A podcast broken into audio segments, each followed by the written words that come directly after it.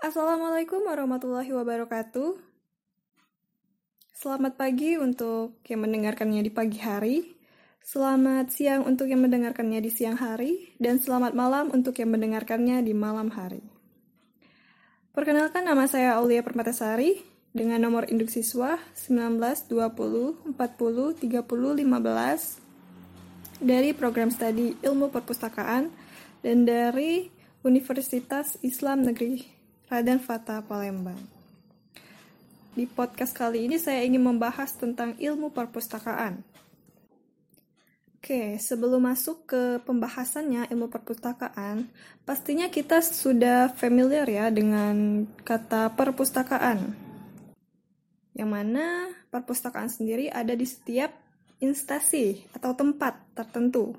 Seperti contohnya di sekolah, sekolah dasar, sekolah menengah pertama, sekolah menengah atas, dan juga ada di perguruan tinggi, dan ada di perusahaan-perusahaan tertentu, dan juga perpustakaan juga bisa dijadikan perpustakaan bisa kita kelola sendiri atau yang sering kita sebut dengan perpustakaan pribadi.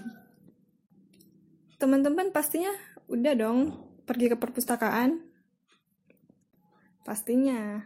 Kalau ke perpustakaan Terus kalian ke mana kalau cari informasinya? Apakah melalui search engine? Kalau melalui itu aja sih mungkin ya informasi yang kita butuhkan kurang gitu. Alangkah lebih baiknya kita mencari di perpustakaan dengan sumber-sumber informasi yang ada, yang di mana di perpustakaan sendiri itu banyak banget informasi-informasi yang mungkin kalian but lebih butuhkan. Saya berharap kalian bisa sering-sering main ke perpustakaan ya. Oke, kita langsung aja ke pembahasan ilmu perpustakaan. Oke, apa sih ilmu perpustakaan itu? Ilmu perpustakaan itu merupakan sebuah ilmu yang melibatkan banyak keahlian di bidang informasi teknologi, manajemen, dan pendidikan untuk mengumpulkan, merapikan, dan menyimpan data. Lalu, pada program studi ini, kamu akan mempelajari bagaimana memecahkan permasalahan ilmiah di bidang ilmu perpustakaan dan informasi.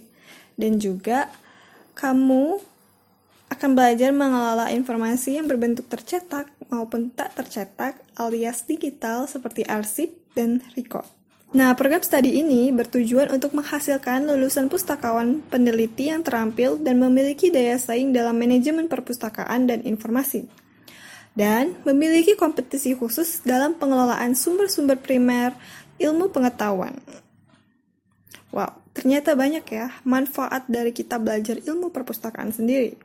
Pastinya kita sering mendengar ya orang-orang awam yang berbicara, emang lulusan ilmu perpustakaan itu apa sih? Pasti cuma nyusun buku, ngerapiin buku, ngejagain buku, dan lain-lain sebagainya. Itu yang orang awam pikirin tentang ilmu perpustakaan. Dan asalkan kalian tahu, lulusan ilmu perpustakaan sendiri setara dengan profesi sebagai profesor. Wow banget ya.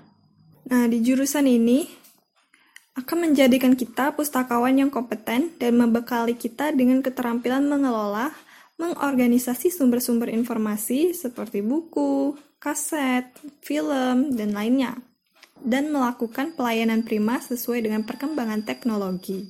Kalian pasti penasaran ya dengan perpustakaan masa depan nanti seperti apa sih? Pastinya kalian terbenak ya di dalam pikiran kalian uh, gimana sih perpustakaan masa depan nanti? Apakah bisa dipinjam melalui online atau bisa kita cari dengan melalui handphone atau dengan apa? Kita nggak tahu karena kemajuan teknologi semakin hari semakin maju dan modern. Terus kenapa sih harus memilih jurusan ilmu perpustakaan? Nih, kalian dengerin ya, keuntungan-keuntungan yang diperoleh dari seorang lulusan ilmu perpustakaan. Yang pertama nih, kamu punya peluang kerja yang luas karena hampir seluruh instansi membutuhkan tenaga ahli bidang kepustakaan dan kearsipan. Yang kedua, kalau kamu memilih berkarir sebagai pustakawan, selamat karena profesi ini punya jenjang karir yang jelas loh.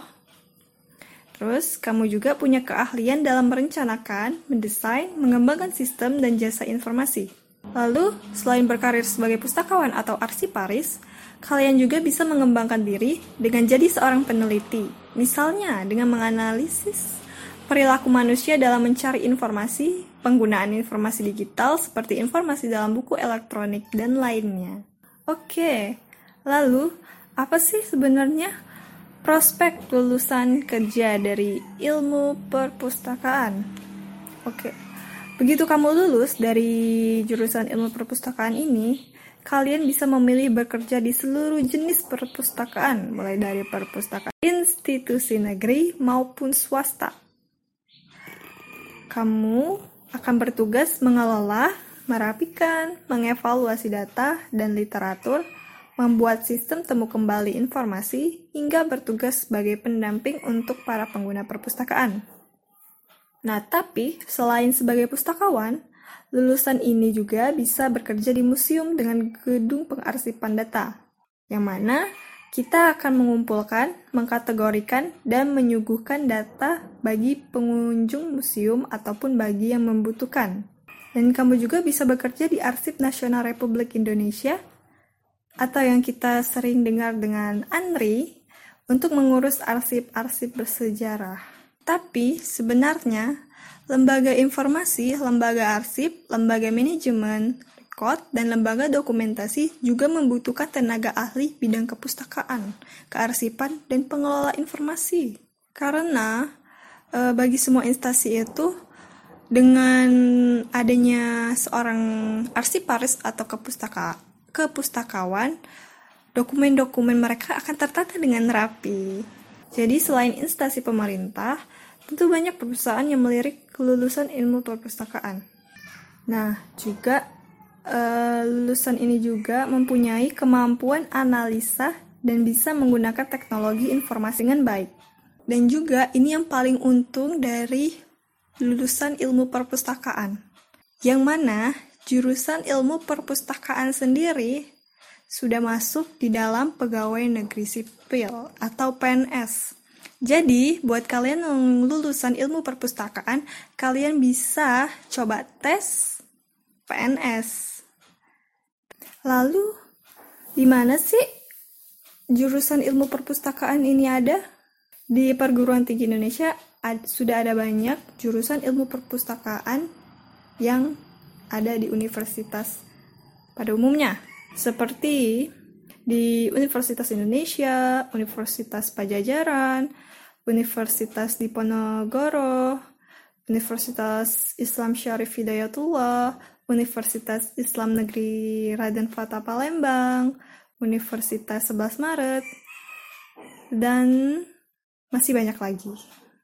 Jadi itulah pembahasan pada podcast pertama saya kali ini.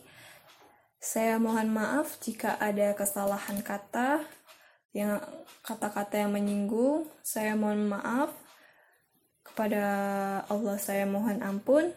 Saya akhiri wabillahi taufik wal hidayah. Wassalamualaikum warahmatullahi wabarakatuh. Terima kasih.